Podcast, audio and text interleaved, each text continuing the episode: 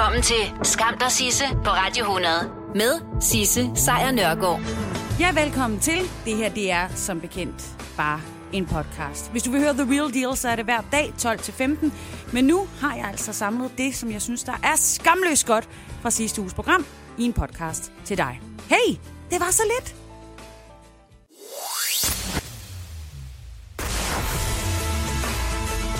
Velkommen til Skam og Sisse på Radio 100 med Sisse Sejr Nørgaard. Nå, hvad skal du så have at spise i aften? Fordi uanset om det er december, juni eller et eller andet sted i midten af marts, så skal der jo planlægges aftensmad. Det er jo simpelthen måden, man ved, om man er voksen på. Det er, når man sætter sig for at lave en øh, plan for, hvad der skal spises i løbet af ugen. Og der er rigtig, rigtig gode odds for, at øh, rigtig mange retterne handler om øh, kød. Og det skal du nyde nu. Fordi Alternativet de øh, ønsker fremover at sætte en øh, såkaldt klimaafgift på øh, rødt kød. Partiet de har derfor fremsat et beslutningsforslag, som skulle pålægge regeringen at indføre en afgift på 17 kroner per kilo rødt kød. Uffe Elbæk, han er formand for Alternativet, og han siger, at han generelt bare gerne vil have, at vi danskere, vi spiser mindre kød. Det, der selvfølgelig er mit håb, det er, at øh, danskerne begynder simpelthen at spise øh, mindre kød, men bedre kød. Øh, så jeg er ikke ude på, at folk ikke skal spise kød som sådan, men øh, vi spiser for meget kød. Vi spiser simpelthen for meget kød, mener Alternativet. Og der kan være noget om det. Oksekød, kalvekød og lammekød, det er noget af det allermest klimabelastende, vi kan smide munden overhovedet. Og det er altså også derfor, at Uffe Elbæk nu vil give den fuld smadre med afgifterne. Ideen eller formålet med det, det er selvfølgelig, at vores produkter de har den pris, som svarer til det klimaaftryk, de har. Ja, altså, hvis du spiser noget, der er dårligt for klimaet, så skal du også betale for det. Men det her, det er jo en... Øh, Altså, det er jo ikke noget, der er besluttet nu, og det kommer det nok heller ikke til, fordi det vinder i hvert fald ikke gehør hos Dansk Folkeparti. Her der er det fødevareordfører, hun hedder Lisebæk. Altså 17 kroner, du kan godt selv høre, hvordan det lyder. Der, der vil simpelthen blive sådan en skæld mellem, hvem der har råd til at købe kød, og hvem der ikke har råd til at købe kød. Ja, ligesom det skæld, der er mellem folk, der har råd til at købe Porsche, og folk, der ikke har råd til at købe Porsche. Nå, men heller ikke hos uh, Miljø- og Fødevareministeren Jakob Ellemann Jensen, der synes, der, der er heller ikke det helt store uh, vinder, vindergeschæft i den. Det her, det vender den tunge ende nedad. Det, det gør, at den enlige forælder får sværere ved at, lad mig sige som det er, lave en, en spaghetti med kødsovs til sine børn. Det er vi ikke til længere af. Nej. Og selvom det egentlig er forfriskende at høre både Venstre og Dansk Folkeparti bekymre sig om øh, ulighed her i øh, samfundet nu, hvor... Øh, Ja, der skattelettelser i øvrigt kun var for de rige, så ændrer det jo ikke ved, at vi danskere spiser så meget kød, at det faktisk flår i øh, klimabudgetterne. Men vi ved bedre. Vi ved simpelthen godt, hvordan man kan klare sig igennem en øh, uge, uden at skulle øh, spise alt for meget kød, fordi Ja, det er jeg selv, der har foreslået det. Der er nemlig rigtig, rigtig gode alternative øh, idéer. Nå, Alternativet. De vil jo som sagt indføre en øh, klimaafgift på øh, oksekød, og det vil de fordi. Ideen eller formålet med det, det er selvfølgelig, at vores produkter de har den pris, som svarer til det klimaaftryk, de har. Ja, det er nemlig et ordentligt klimaaftryk, et øh, kilo oksekød giver på øh, miljøet. For at producere et kilo af den her øh, fine præmivare, som vi alle sammen elsker og øh, hugge ned i os, der kræver det altså 10.000 liter vand, og der øh, bliver udledt næsten 14 kilo CO2. Og øh, det er altså sådan, at verdens husdyrs høj, som det hedder, de står for mere end øh, 14 procent af den samlede udledning af drivhusgasser. Det er altså ikke øh, bare noget, jeg sidder og gætter på. Det er FN's øh, fødevareorganisation, som har lavet nogle tal. Og de øh, tal viser også, at øh, kødproduktionen forventes at stige på verdensplan, nemlig med 1,7 procent fra 2017 til i år. Og det er altså, fordi der bliver lavet 330 millioner ton kød. Det gjorde der i 2017, og det er så steget til 336 millioner ton kød. All in all, det er en ordentlig bunke oksekød, der bliver lavet, og det bliver der altså ikke rigtig lavet om på, selvom at der skal laves om på det. Fordi vi har jo sagt ja til i øh, Paris, med Paris-aftalen, at øh, sænke vores øh, drivhusgasser, altså vores CO2-udslip, med, så vi kan få en øh, temperaturstigning på øh, til 2 grader og dermed ikke forårsage sådan fuldstændig ragnarok i øh, fremtiden. Men øh, det kræver jo, at vi spiser mindre kød. Og alternativ til det, det er så at sætte prisen op på kød. Men øh, det kommer nok ikke til at ske. Sådan er det jo. Men jeg skal heller ikke sidde her og øh, banke mennesker oven i hovedet, fordi at, øh, det er jo ikke alle, der har råd til at betale 17 kroner ekstra for kiloet. Og øh, der er jo også rigtig mange, der ikke ved, hvad de simpelthen skal stille op, når øh, ikke de lige har en øh, baggrund, der hedder øh, vegetarfamilier, eller vegan lifestyle, eller hvad ved jeg. Så det, vi gør her på Radio 100, vores øh, lille gave til klimaet, det bliver altså i øh, de næste par dage simpelthen at lave en øh, klimavenlig opskriftsbog. Ja, simpelthen. For eksempel så kan man spise øh, pizzabrød med falafel. Det elsker ungerne. Man kan også øh, få øh, tomatsovs på spaghetti i stedet for oksekødsovs. Eller man kan spise øh, tærte med squash eller hummus med grønt til. Jeg siger ikke, at vi behøver at redde verden på Radio 100, men vi kan da lige sprede de bedste måltidsråd, vi har. Inde på øh, Radio 100's Facebook-side, der finder du et øh, meget, meget flot billede af en McDonald's-menu. En McDonald's-menu, som du aldrig har set den før, håber jeg. Medmindre du har været rigtig meget på nettet. Og øh, under det, der er der simpelthen et øh, kommentarspor, og der kan du dele dine yndlingsopskrifter. Altså alle de opskrifter, du har på mad, der ikke indeholder kød. Og så lige et lynhurtigt skud ud til alle jer, der siger, jamen altså, vi laver da godt kød herhjemme. Og det gør vi. Dansk produktion er noget af det mest bæredygtige herhjemme. Men det ændrer bare ikke på, at vi altså stadigvæk skal til at spise mindre kød. Skam dig, Sisse, på Radio 100 præsenterer Skamløse fornøjelser. Så kan du godt holde på ægvedben, tollundmanden og sagan om guldhornene, fordi der er et nyt klenodie i museumsverdenen. Woohoo! Nye ting, som vi kan tage billeder af, lægge ud på nettet, og så sørge for, at der kommer en masse kinesere til landet og kigger på dem. Fordi i 1982, der bagte familien Christensen pebernødder. Og så smed de alle de her pebernødder ned i en glaskrukke, som de lige havde fået. Så de både pyntede og fristede og sådan noget. Men det bedste havde nok været, hvis de bare havde spist den. Eller hvad? Fordi så ville jeg ikke kunne have fortalt den her historie i dag. Fordi de her pebernødder, som de bagte i 1982, altså familie Christensen, og lagde ned i en glaskrukke, krukke, som det hedder, med låg på, de er der stadigvæk. Pebernødderne har simpelthen ligget i den glaskrukke siden 1982. Og det er ikke med vilje. Ingeborg Christensen, som altså er øh, bagkvinden til de her famøse pebernødder, hun har fortalt til Skive Folkeblad, at der har været mange stærke mandfolk, der skulle prøve at få låget af den her glaskrukke, så de kunne smage på pebernødderne. Og de efterfølgende år, der var der lige så mange mænd, der forsøgte, men det kan ikke lade sig gøre. Man kan simpelthen ikke få låget af de her pebernødder.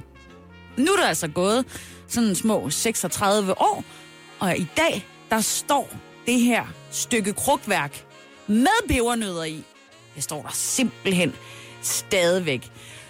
Så ja, familien Christensen, de er simpelthen indehaverne af det, jeg nok går hen og tror er måske det ældste glas pebernødder i verden.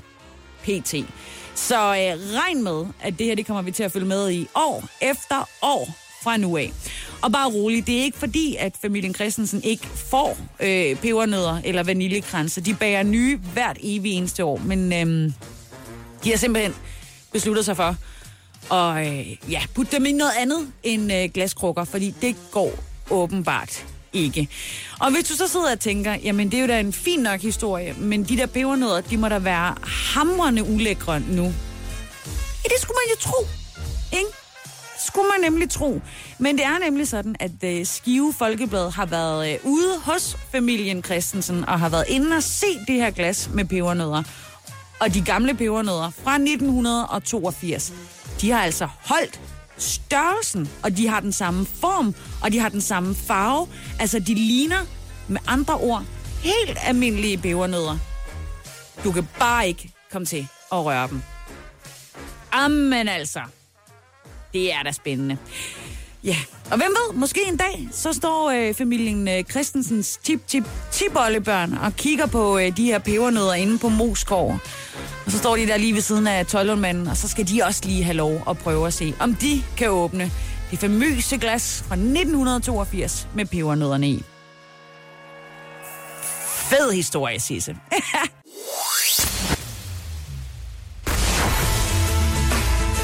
Velkommen til Skam der Sisse på Radio 100 med Sisse Sejr Nørgaard. Ja, så bliver det jo endelig december, og det er hermed ikke længere en uh, uskik at spille julemusik. Så du skal bare give den fuld smadre. Men øh, er det sådan, at du går rundt og bare øh, har de samme gamle mix-CD'er med øh, julemusik, eller kan det være, at du bare øh, får spillet de samme sange igen og igen, og er du ved at blive bare sådan lidt træt af dem her tre dage inden i december? Jamen, så prøv nu at høre her. Jeg har lavet en lille julegave til dig. Simpelthen. Jeg har simpelthen øh, brugt hele min weekend på at lave det, der hedder øh, Sisses Slædesange. Og det er en playliste. Den er oprettet på Spotify, og det er jo der, hvor du finder alt det julemusik, som du ikke vidste, at du ville høre. Nemlig inde på min playliste. Lige nu, der er der omkring øh, 6 timers julemusik. Der er øh, over 115 numre, og det eneste, de kræver, det er, at du har en konto på Spotify.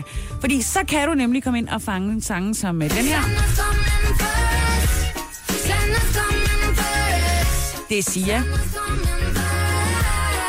Den har jeg lagt på.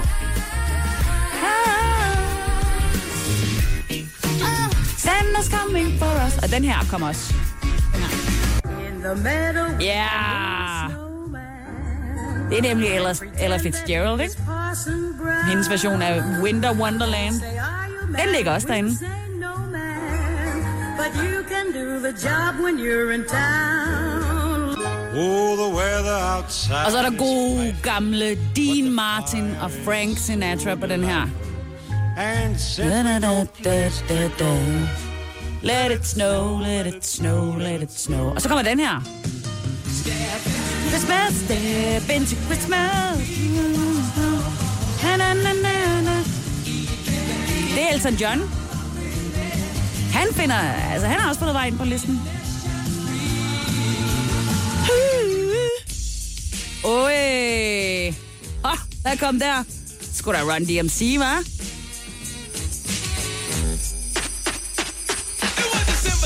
24th on the dog. Yep. Run DMC ligger der også, og det gør Shubidua. I en naturlig forlængelse af Run DMC, så er øh, Shubidua der. Og den her, det er øh, simpelthen også øh, musik, du finder på Sisses slædesange.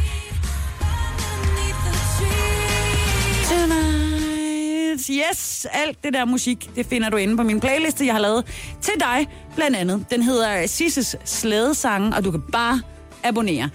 Min gave fra mig til dig. Nummer 1. I aftes, der fandt jeg dig en gang løbetøjet frem, og jeg lagde det klar til en hurtig tur i morges. Og da jeg så vågnede i morges, så vendte jeg mig om, for lige at kunne tage 20 minutter til. Igen. Nummer 2. Så kom jeg op og skændes med min øh, fireårige her i morges, og øh, uanset hvor gode dine argumenter er, eller hvor solid en pointe du har, eller hvor valid det er at bede andre mennesker om at tage tøj på, så taber du, hvis du skændes med en fireårig. Nummer 3. Ja, nogen man heller ikke kan skændes med, det er åbenbart tidligere minister for Venstre, nemlig Søren Pind. Ah, For sjældent har han skrevet et mere privilegieblindt tweet, som det han skrev i aftes. Pind han har nemlig været ude og prøve at køre med S-tog. Og alene det, sådan, wow, så kom han for alvor ud af sin øh, ministerbil og følges med alle os andre. Men i det der S-tog, der mødte han en tigger. Og det blev han forarvet over, for han troede, at tiggerloven havde hjulpet. For det hører jo ikke hjemme i et land, hvor folk betaler skat, at der er tiggere i togene.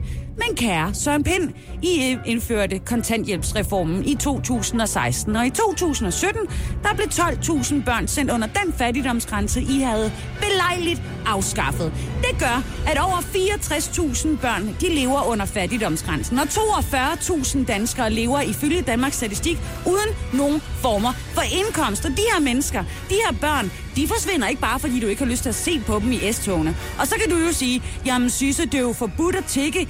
Ja, Ja, men det er fandme da også ulovligt at hvidvaske penge. Men det har I da heller ikke stoppet nogen i at gøre i årvis. Og måske skal vi hisse os op over dem, der hvidvasker, i stedet for at udstille dem, som ingen andre muligheder har, end at tage tiggerhatten på. Så tag cyklen næste gang, hvis du ikke vil se den virkelighed i øjnene, du har været med til at skabe, kære Søren Pind. Og så bare lige, hey, his dig helt chill ned. Han gør dig jo ikke en pind. Vel, Søren Pind?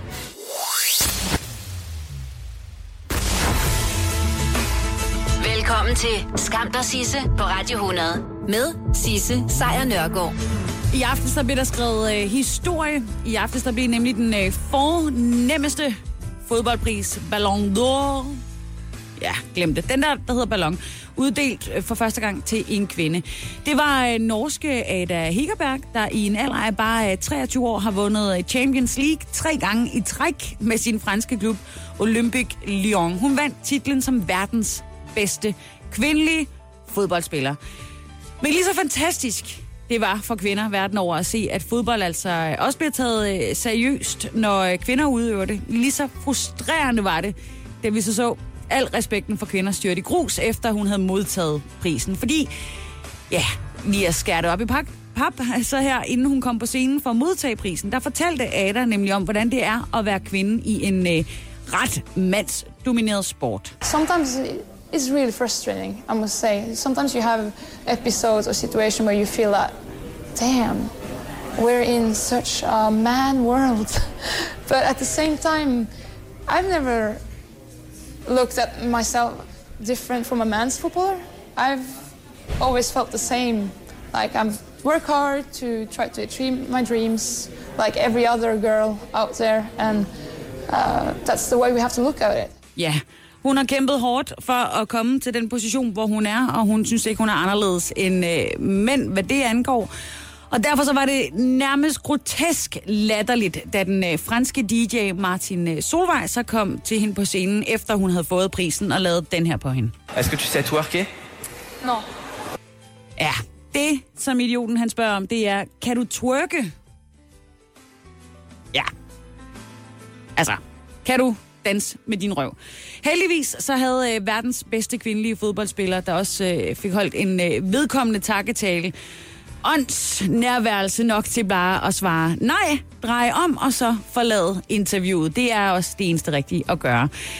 Oh, det kræver så lidt. Nå, men vores egen øh, Pernille Harder, hun var også tæt på at kunne kalde sig verdens bedste fodboldspiller, som, øh, altså så tæt på, at man nærmest kan komme.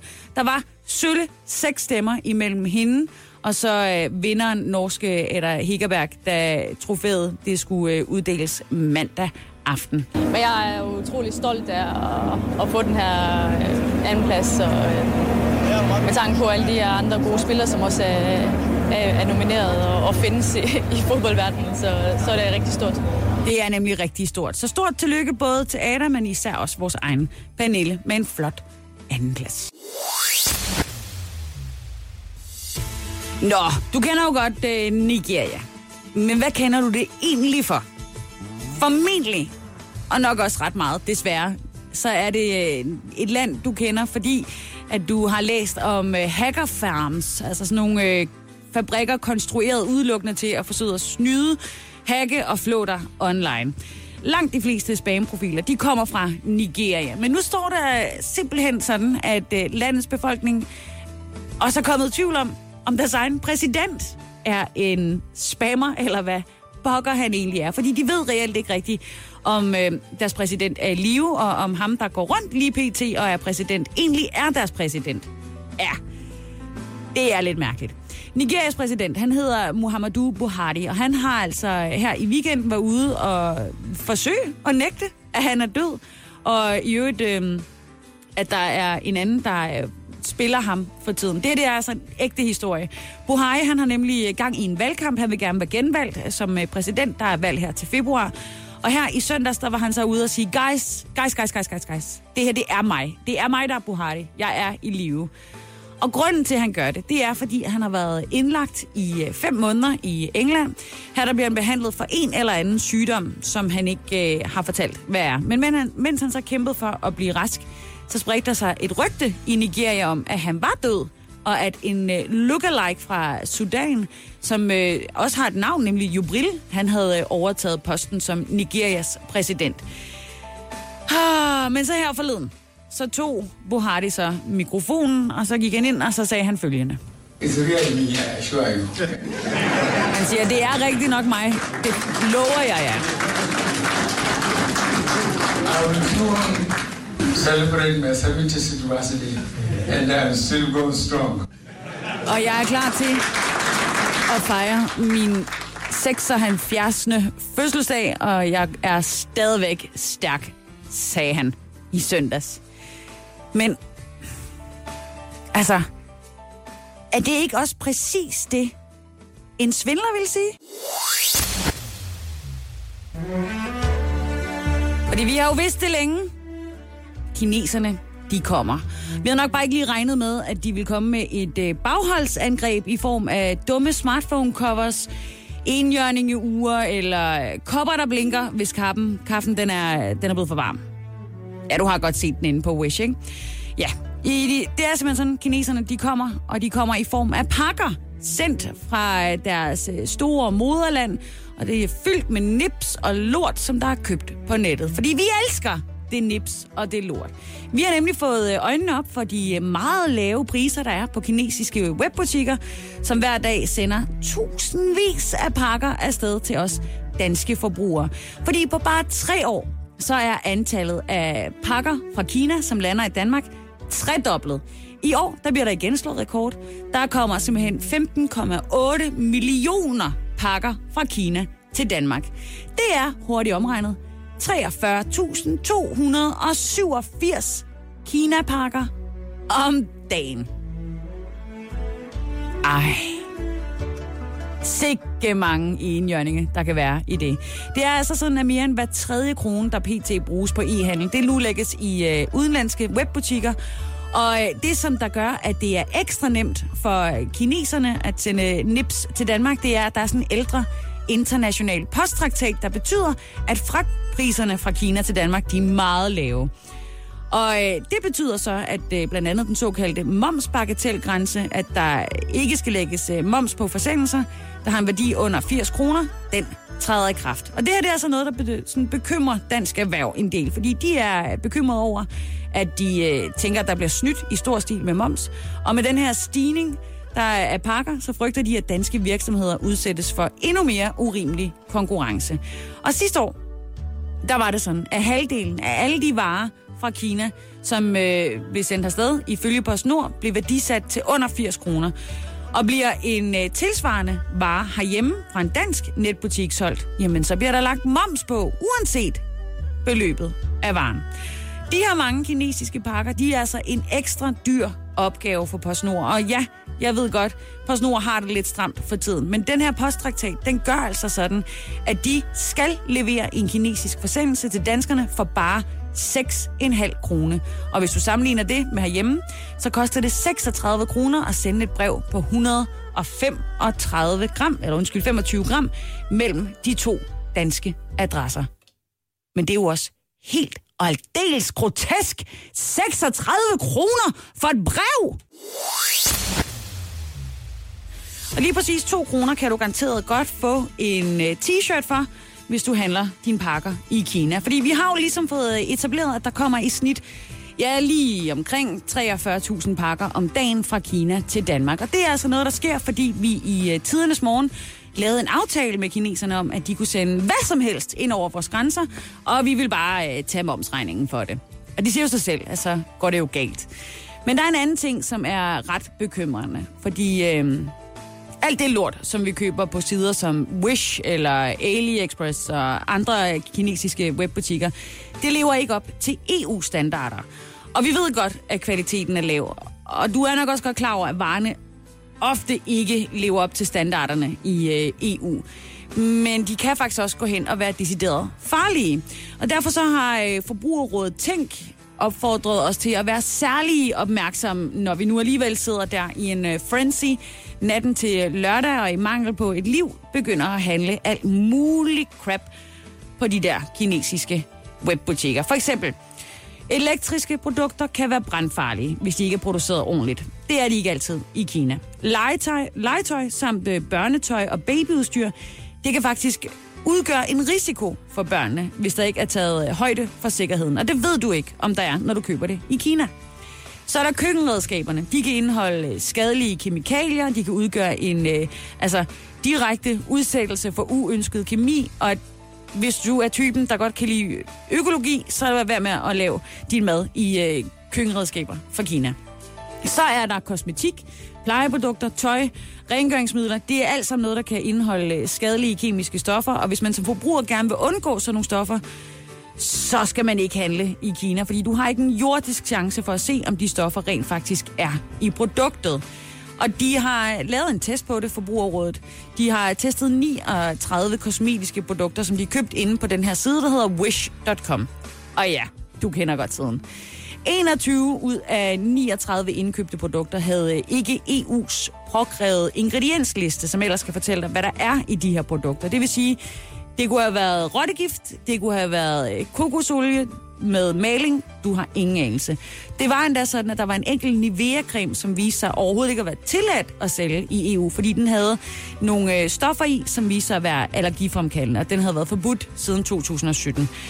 Så her i juletiden, hvor vi alle sammen leder efter den perfekte julegave, jamen, så kan det godt være, at du måske skal spare lidt på nogle andre ting, og så bruge pengene på noget, der i hvert fald er produceret inden for EU, så du ikke risikerer at forgifte hele din kære familie. Men derudover, woo, enhjørning af kopper, mand. Yes! Det skal jeg i hvert fald have. Skam dig, Sisse på Radio 100 præsenterer dagens skamløse øjeblik. Mandag aften, der gav rapperen Lil, Lil Bump, tror jeg, det øh, man siger, han gav øh, koncert på Vega. Det ligger i øh, København. Og så gik han ellers ombord i København til selvbord bagefter. Hvem vil ikke gøre det? Jeg mener, byen er jo vidunderlig. Så Lille Pump, som altså er en rapper, der har gjort øh, hurtig karriere, blandt andet fordi han har fået et øh, spark opad af blandt andet øh, Kanye West. Han fik den helt store oplevelse i øh, København. I øvrigt så er det ham, der spiller her. You're such a fucking hoe. I love it. You're such a fucking hoe. I love it. Yes. Such a fucking... Man kan, virkelig, øh, man kan virkelig mærke, det er en af de der hit, der er gået øh, helt i øh, rundhyld. Nå, men uh, Little, little Pump der, han blev så anholdt. Og det er ikke lige til at sige, hvorfor. Men uh, det er heller ikke det, der er så vigtigt. Det vigtigste, det er nemlig, hvordan det lød, da betjentene de, uh, satte uh, Little Pump ind på deres uh, bagsæde. Velvidende om, at han var amerikansk og ikke kunne forstå det, de sagde. Men han optog jo hele den her seance på øh, video, og derfor så er det altså ekstra hyggeligt at høre, hvad det er, de går og snakker om. Lyt godt efter. Nu spiller jeg klippet.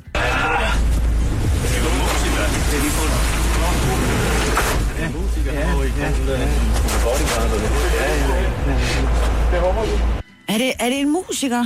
Ja, det, ja, det tror jeg. Er det en musiker med, noget, med en bodyguard? Yes, det tror jeg nok, det er. Jo, jo, det er det. Det var Lille Pump og hans bodyguard, som øh, blev sat ombord. Og jeg synes egentlig også, det er ret herligt, hvor uimponerede øh, typer de her betjente de er. Den her lyd, den er kommet ud efter, at Lil Pump selv lagde videoen på nettet, og ifølge medier som øh, TMZ, som er sådan nogle øh, sladdertyper fra Hollywood, så var, det, øh, så var det, at han filmede, jeg ja, faktisk livestreamede fra sin egen anholdelse i København, en af årsagerne til, at han øh, lige blev tilbageholdt lidt ekstra tid.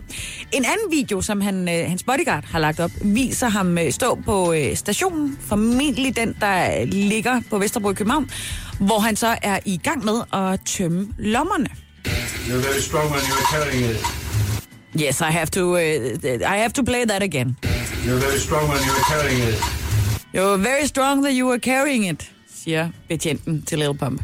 Nå, han skulle efter øh, planen Lil Pump have spillet i øh, Finland i tirsdags, altså i går aftes, men den koncert, den er blevet aflyst, og øh, af, som de har skrevet i pressemeddelelsen, uforudsete hændelser. Men jeg tror næppe, det kan være øh, selve anholdelsen, for han blev løsladt kort tid efter, han var blevet anholdt. Og det er altså ikke første gang, at den øh, 18-årige øh, rapper, han øh, bliver arresteret. Han bliver også arresteret i Miami, og tidligere på året, der blev han øh, også arresteret i LA for at have affyret en pistol ud af døren. Så jeg tror, vi skal være øh, glade for, at han er rykket videre.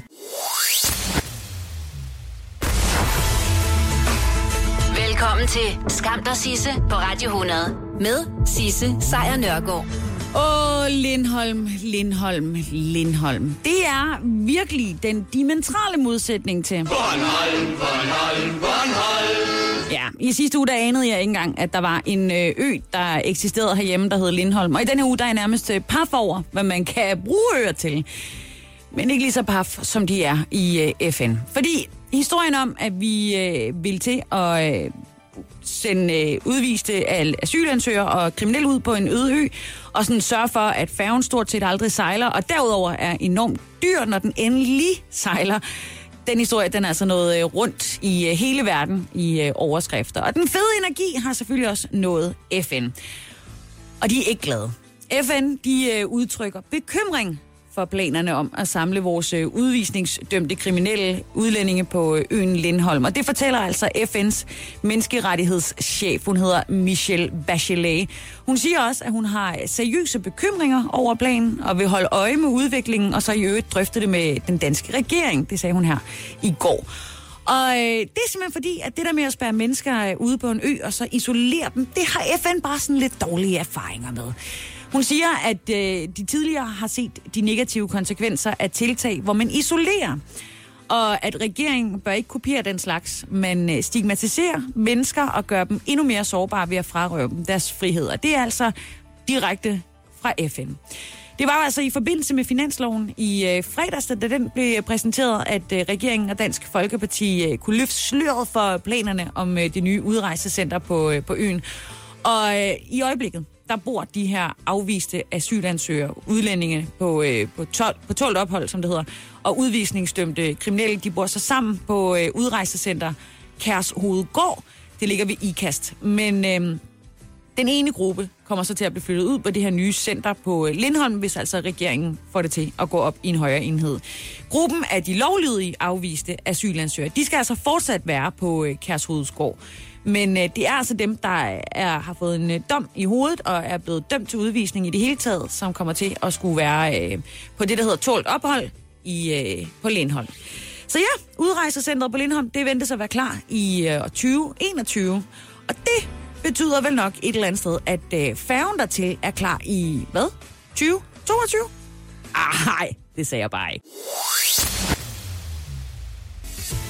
Nå, så skal vi altså til, øh, skal vi til en, en, en lille smule telenyt. Tronafdelingen til en af verdens største mobilproducenter, Hua- Huawei, som det hedder, Ja, jeg afspiller øh, det her klip bare for at øh, påvise på det kraftigste, at jeg altså også kommer til at lave den her rigtig mange gange. Hua- Huawei, Hua- Huawei, wow, Huawei.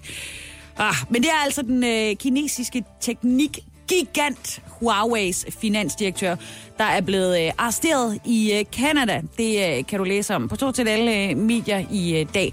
Og det sker altså øh, med henblik på at få hende udleveret øh, til øh, USA, hvor der er øh, anklager om øh, det, der hedder sanktionsbrud. Hun hedder Wang Sao Meng, og hun blev arresteret allerede tilbage i øh, den 1. december, og hun er efterlyst, og øh, derfor skal hun altså simpelthen ind til USA. Og det er alt det, der er kommet ud. Og lad mig bare sige det sådan her. Det er en pretty big deal. Fordi Wang Sao Meng, hun er ikke bare øh, finansdirektør i Hua, Hua- Huawei, Huawei. Hun er også øh, næstformand i øh, selskabets øh, bestyrelse, og så er hun også i øvrigt bare lige datter til grundlæggeren. Han hedder Ren Zhengfei. Huawei er blevet øh, sådan en af, af de der kometer inde på teknikverdenen. De er verdens største producenter af smartphones, og så er de et af de aller, aller største selskaber i øh, Kina.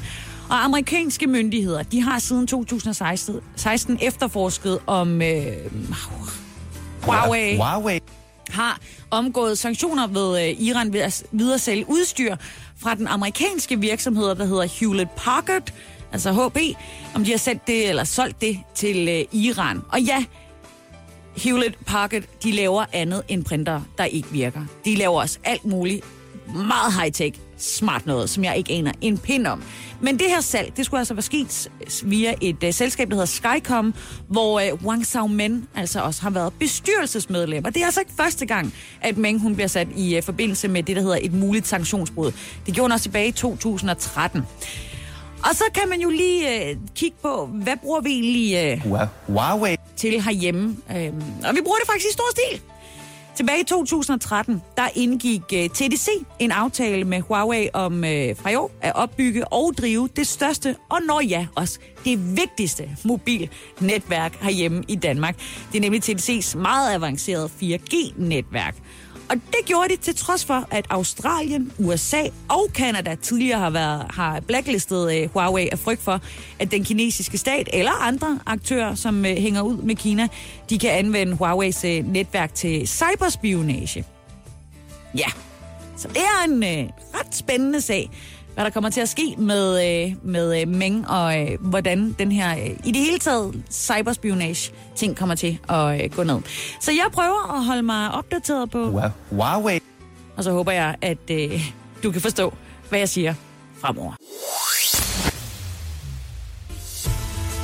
Så skal vi altså til det. Der er nemlig øh, super gode nyheder fra... Bornholm, Bornholm, Bornholm. Ja, vores dejlige ferieø. Fordi den er nemlig ikke bare dejlig for os længere. Nope.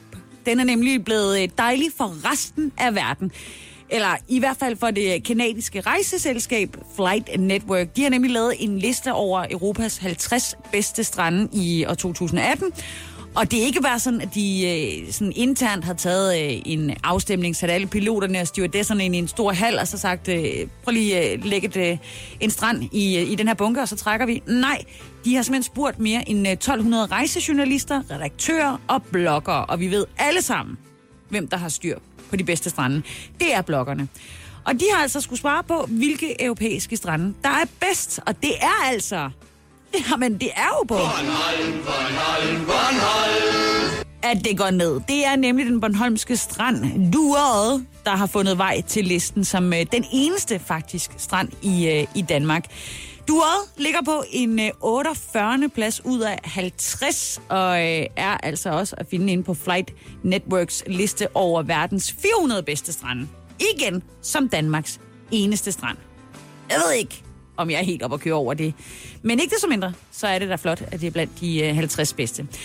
Den er øh, kendt, altså stranden, som øh, The Pearl of the Baltic. Og derudover så er den jo bare rust for sin tilsyneladende endeløse, fine sandstrande.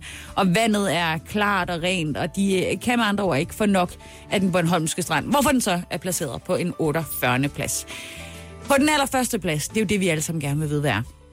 Der ligger stranden Srip Shipwreck Beach på øh, en græsk ø. Og øh, så på andenpladsen, der er der en øh, strand op på Island. Og på tredjepladsen, der ligger øh, Plata di Formentor på den spanske ø.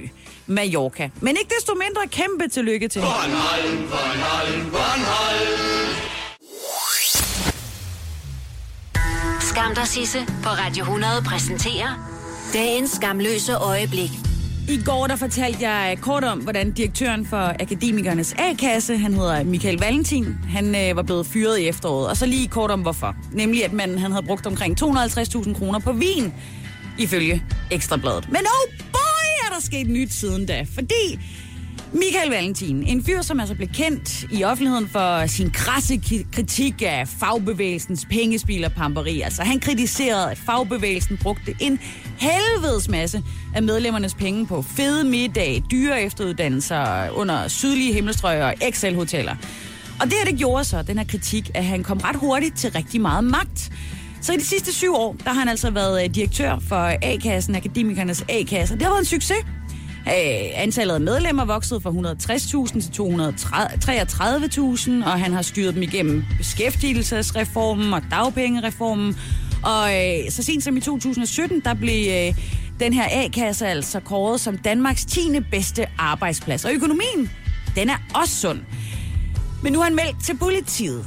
Angiveligt, så har Michael Valentin bestilt øh, vin gennem A-kassen for 100.000 vis af kroner, både øh, til privat brug og så til A-kassen. Og han har så modtaget meget dyre vinrejser til Kalifornien, Chile og Sydafrika fra vinleverandøren, som by the way også lige er en af hans private venner. Ifølge de her dokumenter, som både Berlingske og Ekstrabladet har fået indsigt i, så har Akademikernes A-kasse haft et øh, sådan okay vinindkøb de senere par år. Og de har altid haft en fast leverandør. Han hedder Sigurd Møller, og han har en vinhal i Aalborg. Frem til 2013, altså for fem år siden, der lå det årlige vinindkøb på øh, omkring 90.000 kroner. Det er vin, der skal bruges til receptioner og til vingaver og sådan noget. Det lyder meget normalt.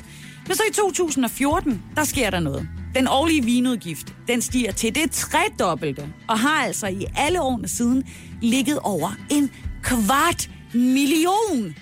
Alene i øh, 2016, der rundede udgiften til vin 350.000 kroner. Du kan få to balingoer plus ekstra udstyr, så den rent faktisk bliver fed at køre i for de penge. I 2018, der øh, blev øh, Michael Valentin så afskedet. Men han nåede lige i øh, september at købe vin, eller inden øh, han blev fyret i september, at købe vin for 256.000 kroner. Og alene i den sidste måned, han var direktør, altså i september her i år, der blev der købt 1020 flasker vin til en samlet sum af 130.000 kroner. Det er i sig selv bare sådan, wow, han har haft travlt. Men som man siger, at vand, eller i det her tilfælde vin, falder ned, og, øh, og magt, det stiger jo som bekendt til hovedet. Og hvis Berlingske og Ekstrabladets oplysninger er korrekte, så hold da op. Det her, det kommer til at blive lidt af en neglebider at følge med i.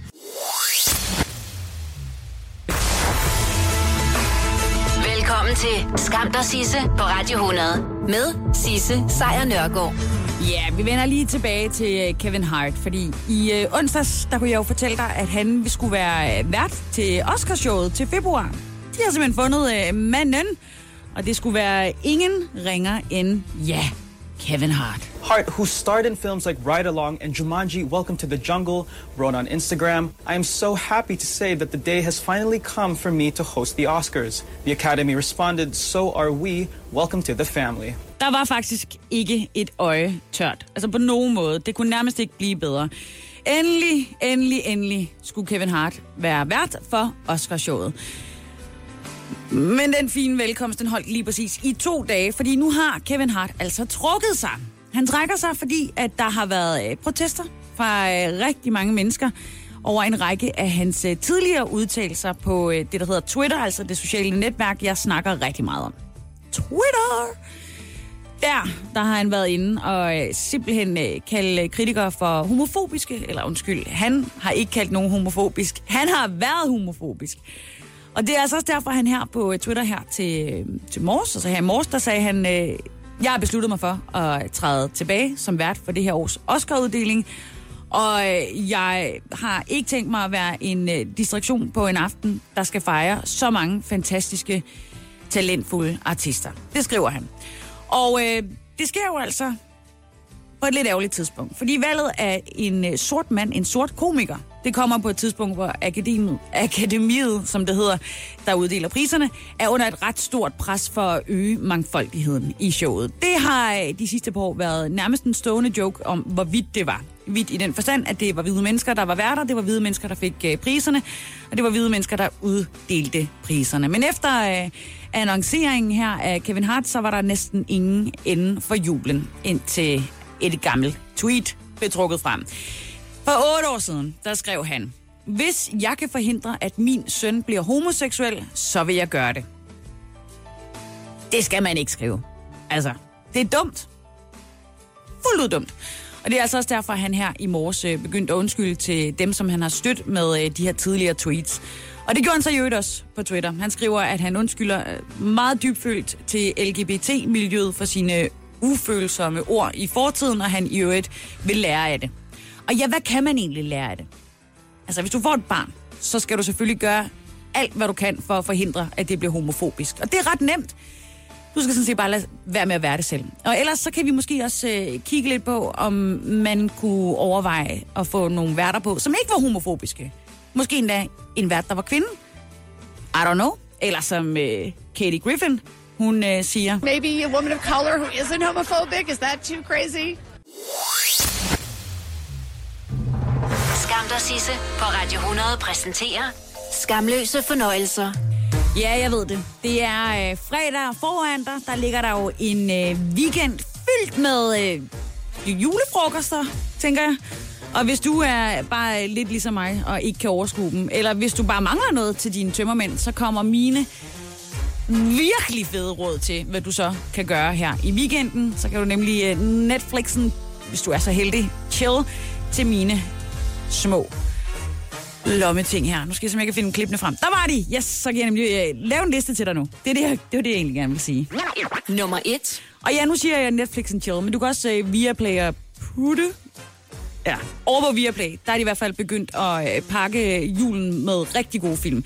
Så du kan med ro sippe portvin og dulme næverne i øh, selskab med øh, film som Black Panther.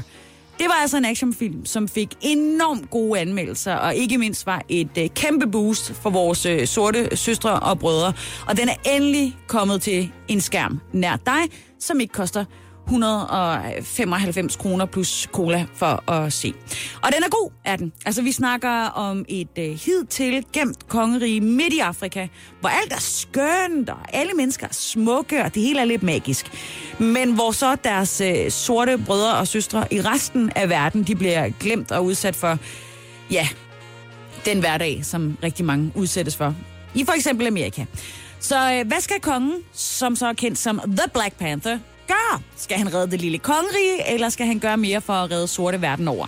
Det her det er en kæmpe bossfilm, og den er simpelthen helt gratis, hvis du har et Viaplay abonnement. Så øh, tjo hej, ind og se den med dig. Nummer to. Og hvis du øh, ligesom mig elsker juleklassikere, så er der altså kommet en øh, film, som jeg våger at påstå kan blive en helt ny juleklassiker fremover. Det er rigtigt, jeg sagde det. Den er så på linje med øh, Alene Hjemme, Polar Expressen eller Die Hard, klassisk julefilm i øvrigt. Og den hedder The Christmas Chronicles. Den er produceret af de samme mennesker, som øh, har lavet øh, Harry Potter-filmene, og så ligger den i øvrigt på Netflix. Det er et øh, søskendepar, de har mistet deres far, og efterhånden så har de også lidt mistet kontakten med hinanden. Men så sker der noget, som får dem til at arbejde sammen, nemlig at julemanden kommer på besøg. Og så beslutter de sig for, okay, vi følger efter ham, vi ser, hvad der sker, og det her, det får selvfølgelig kæmpe store konsekvenser for julemanden. Det er ved at gå riv, rask, ruskende galt. Og så er det bare en, øhm, en julemand, som i øvrigt er spillet af gud lækre Kurt Russell. Ja, det er Kurt Russell. Han er en sexet julemand. Altså, jeg, jeg kan slet ikke understrege, hvor vigtigt det egentlig er for den her film også. Det er sådan, han ligner på en eller anden måde slet ikke en julemand, og han er på den anden side lige præcis den julemand, du rigtig gerne vil have besøg af til jul. You don't look like Santa Claus. Well, billboards add 80 pounds. Yes, filmen den er så genial for børn, for voksne og øh, for dem, som har lige, lige fået en tand for meget portvin. Den holder hele vejen til påske.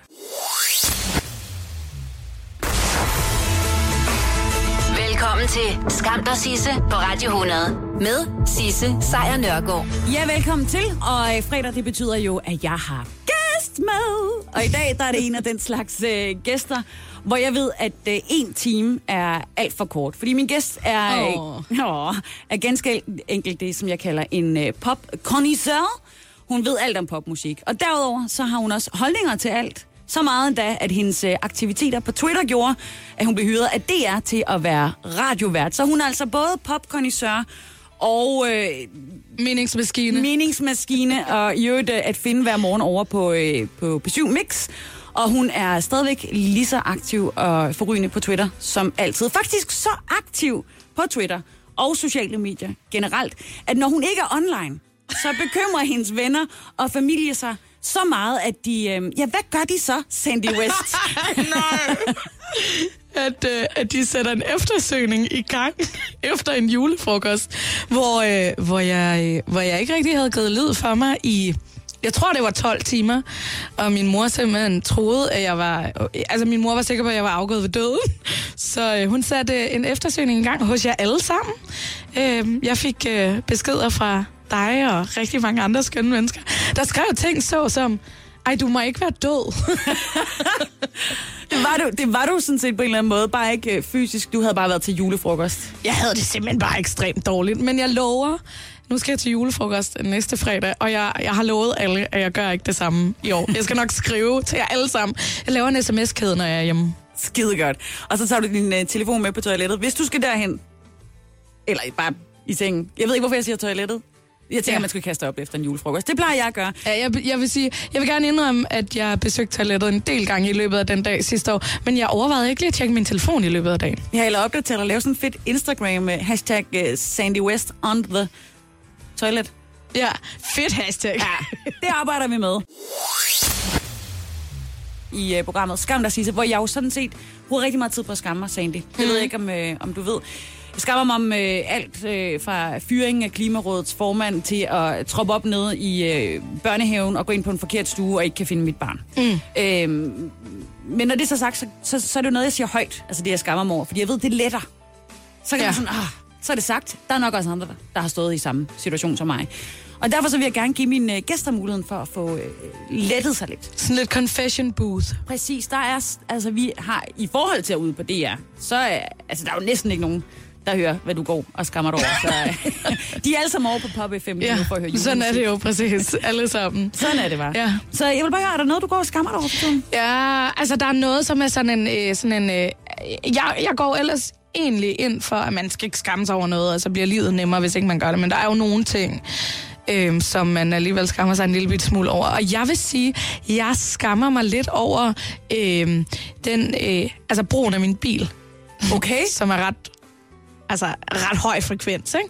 Også fordi det er jo dårligt for miljøet. Og jeg er jo sådan en, der godt kan lide at bryste mig af, at jeg går forrest med klimafaklen. Ikke måske ikke forrest, men ind i midten af crowden i hvert Der står fald. du. Ikke? Der står jeg.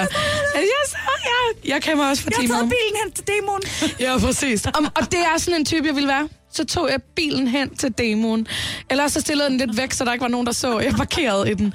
Øhm, og, og det skammer jeg mig faktisk en lille bit smule over. At, og nu, nu kan man sige, at jeg sender morgenradio. Det vil sige, det er simpelthen bare et ukristeligt tidspunkt at ankomme et sted på. Og det kan jeg måske bare godt synes er sådan lidt uretfærdigt at skulle på cykel. Ikke så meget i sommermånederne. Der er det faktisk dødlækkert. Men nu, hvor det... Altså, jeg kigger udenfor lige nu. Det er gråt udenfor, og det, det altså det regner, og der er det bare ikke særlig fedt at sætte sig op på en cykel klokken, undskyld sproget, pis om morgenen. Nej, det kan jeg sagtens, sagtens øh, forholde mig til. Så- Så... Altså, jeg må jo erkende, at jeg også gør lidt det samme herude. Ja. Jamen, altså, og det er jo det, man gør. Det er jo sådan, altså for at gøre ting nemmere for sig selv på en eller anden måde, og gøre livet lidt, lidt lækre. Så jeg skammer mig en øh, lille bitte smule over, hvor meget jeg egentlig bruger min bil. Ved du, jeg synes, det er en dejlig, herlig ting at skamme sig over meget konkret. Ja, det er en konkret ting. Ja. og det er jo ikke, fordi jeg kører rundt, og så altså, gerne vil være inkognito, og der ikke er nogen, der skal se mig og så videre. Men det er bare sådan, jeg fortæller måske ikke alle, hvor meget jeg egentlig bruger den. Men det gør du fremover, kan jeg så næsten Så det var en, øh, en øh, dejlig, konkret skammer. Men bare rolig, jeg vil også gerne høre, hvad du er skamløst stolt over. Ja. Det gør jeg, efter vi har hørt lidt musik.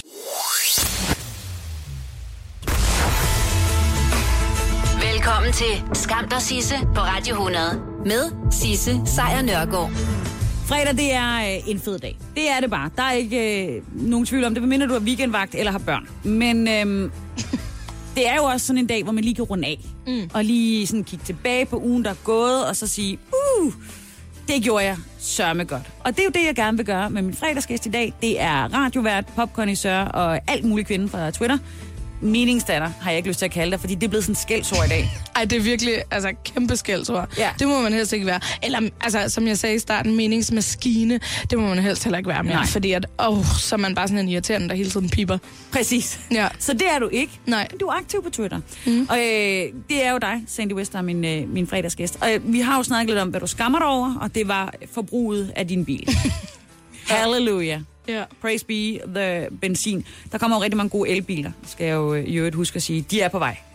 Giv dem 10-15 år, så kan du også købe dem. Ja, især hvis du tjener rigtig mange penge, Ja, så, præcis. så kan du købe dem. Jeg føler måske, at folk, der ikke har, øh, har sådan, et, øh, sådan en, en lang kandidatuddannelse og så videre, det, der går måske lidt længere tid, før man får råd til en øh, elbil. Jeg siger det bare. Ja, så kan man altid Det er en øh, opfordring leje dem, herfra. Eller, nå nej, Ja, det kan nej. heller ikke. Nej. Anywho, øhm, på sådan en øh, uge her, på sådan en fredag, hvor man kan afrunde lidt, så tænker jeg, jeg egentlig gerne vil vide, er der noget den her uge, som du bare er skamløst stolt over? Altså, jeg vil sige, mm, der er noget... Der, det er næsten som om, jeg lidt skammer mig over at være stolt over det. Det er, det så noget med lidt bilen. åndssvagt. Det er noget med bilen. Øhm, nej, øh, men generelt så øh, er jeg stolt. Jeg, jeg, jeg, jeg, jeg er sgu bare så lidt stolt over, øh, over mit, altså mit arbejde. Ja. Jeg er, sådan, jeg er virkelig øh, på en eller anden måde, og jeg har bare haft en, øh, den her uge, den har bare været sådan relativt hård. Der har været en masse forskellige ting, og derudover altså sådan, så har jeg bare virkelig vi kender rigtig, altså rigtig mange af os kender det der med, at man, øhm, man i julen får pakket for mange aftaler ind på det samme tidspunkt.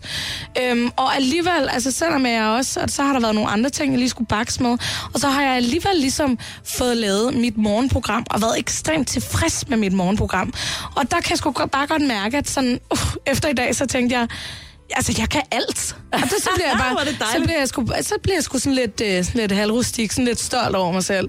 Så lidt, øh, jeg kan jonglere mit arbejde og tusind milliarder aftaler og en masse ting, der foregår op i mit hoved. Og så bliver jeg øh, lidt stolt af mit arbejde, og så bliver jeg måske bare en virkeligheden lidt små- stolt af mig selv. Altid så er jeg glad for at høre. Ja. Så øh, med andre ord, så er min fredagsgæst altså i dag Sandy West, kvinden, som kan alt. Om lidt, så skal vi også høre, hvad hun kan i weekenden. Men det er jo, fordi jeg har besøg af dig, Sandy West. Du er min fredagsgæst i dag. Og øh, fredag, det betyder jo også, at der er weekend. Woo!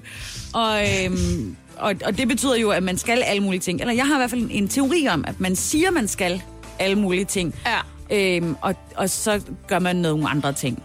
Ja. Kan det, er, det, er det det samme ved dig? Ja. Du har, Ja. du har Line hjemme fjæset på lige nu, ja. hvor helt åben mund og holder dig på. Og hænderne op på kinderne. Ja, jamen, det gør man jo. Og, øh, og jeg vil sige, det er jo også det der med, på Facebook, så trykker man interesseret Ja. på rigtig mange fede ting. Det gør du meget, har jeg lagt mærke til. Jeg skal, jamen, jeg skal til det her, øh, til det her øh, genbrugsmarked herude i, i Dragør i weekenden. Og jeg kan simpelthen lige så godt afsløre, jeg kommer aldrig derud. Det kommer aldrig nogensinde til at ske. Men jeg kan godt lide tanken om at gøre det. Mm. Jeg kan godt lide, og, der, og det er meget sjovt, fordi jeg har rigtig mange mennesker, og jeg altså, jeg laver også mange ting til hverdag, og kan godt lide involvere mig i mange ting. Men jeg har virkelig tit folk, der siger til mig, du er jo aldrig hjemme, er du? Nej, du laver noget hele tiden. Og det er jo simpelthen løgn. Men der kan man også godt lide at sige, ja, jamen, det gør jeg. Ja, ja, jamen, jeg laver, jeg laver rigtig, rigtig Jamen, hvad skal mange du ting. så i dit uh, hæsblæsende actionliv i weekenden? I weekenden, jeg skal til en øh, fødselsdag slash julefrokost, øhm, og øh, så skal jeg, øh, så skal jeg, øh, så skal jeg også være rigtig meget sammen med mine forældre i weekenden faktisk, og det bliver jo mega hyggeligt. Og så skal Og jeg, hæsblæsende. ja, og så skal jeg, øh, ja, Det var det. så, så, du skal, så skal du Netflix, eller? Ja, så skal, så skal jeg, jeg skal i hvert fald se noget Netflix, for catchet op på, øh, måske også lige for bare catchet op på at, øh, at lave at lave ingenting. Men det er helt klart ikke det, jeg har givet udtryk for udad til. Udad til, der har jeg helt klart givet udtryk for, at jeg, øh, okay, jeg har mega travlt i weekenden, og jeg skal mega nå, og så skal jeg lige passe mine forældre ind midt i det hele, som er på besøg fra Bornholm og så videre. Og i virkeligheden, så tror jeg bare, at jeg kommer til at chille rigtig meget med mine forældre. Det lyder altså også virkelig herligt. Jamen, det gør det også. Det Ja. ja. bliver mega hyggeligt. Jeg glæder mig til at se dem. Jeg håber virkelig, at når jeg øh, selv øh, bliver på dine forældres alder, at øh, min datter har lyst til at chill med mig. Det tror jeg, hun kommer til at have. Du og ellers, så vil jeg, længe, og ellers så vil jeg altid chill med dig. Ej, det er jeg glad for. Det er jeg rigtig glad for. Velkommen til Skam dig Sisse på Radio 100 med Sisse Sejr Nørgaard.